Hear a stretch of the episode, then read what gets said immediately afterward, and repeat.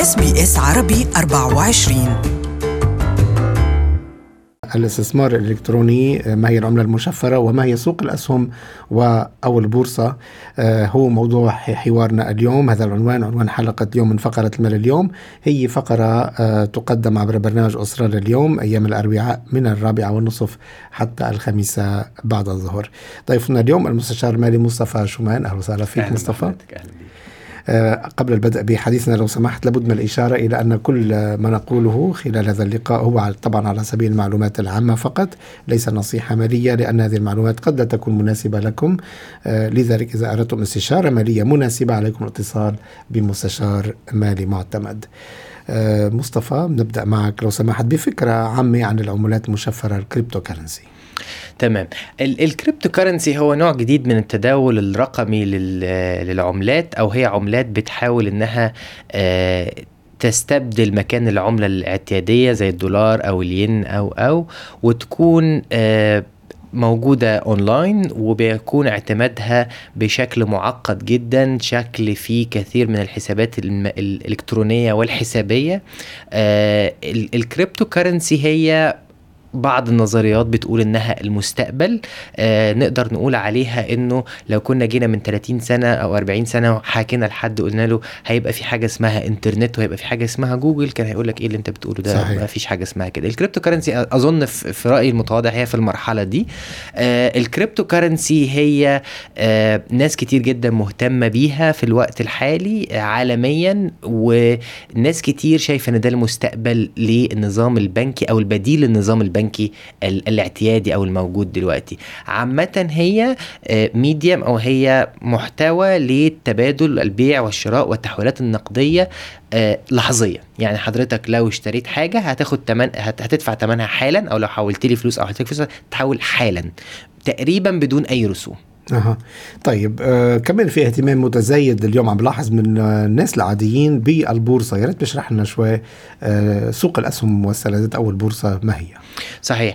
الأسهم بشكل عام خلينا نتكلم على الأسهم. الأسهم هي آه شراكة في شركة معينة حضرتك بتشتري سهم هنفترض مثلا إنه إس بي إس دي شركة وعند حضرتك في 100 سهم آه والسهم بالدولار.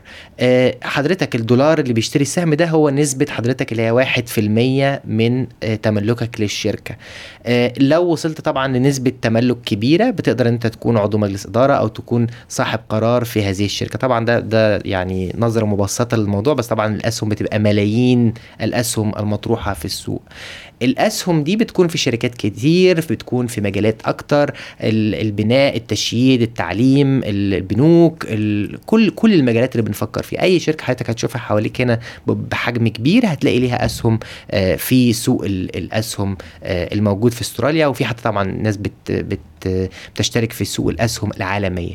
السهم هو زي ما قلت نصيب في الشركة تداول السهم وتحرك الأسعار بتاعة السهم بتعتمد على عدة عوامل. آه، عامل منهم مهم جدا هو النظره المستقبلية للشركة. يعني هل النهارده لو شركة بتستثمر في العقار لو الناس شايفة إن في نظرة تفاؤلية للسوق العقاري في استراليا يبقى ممكن يبقى عندهم إقبال إن هم يشتروا السهم ده. والعكس صحيح لو النظره متشائمة شوية الناس هتبدأ إنها يا إما بتشتريش يا إما بتبيع السهم ده. ده طبعا بيأثر على العرض والطلب وزي ما إحنا فاهمين العرض والطلب هو اللي بيحدد السعر. نعم. ده عامل من من العوامل اللي هو الانتسيبيشن أو الناس شايفة السهم ده هيروح فين.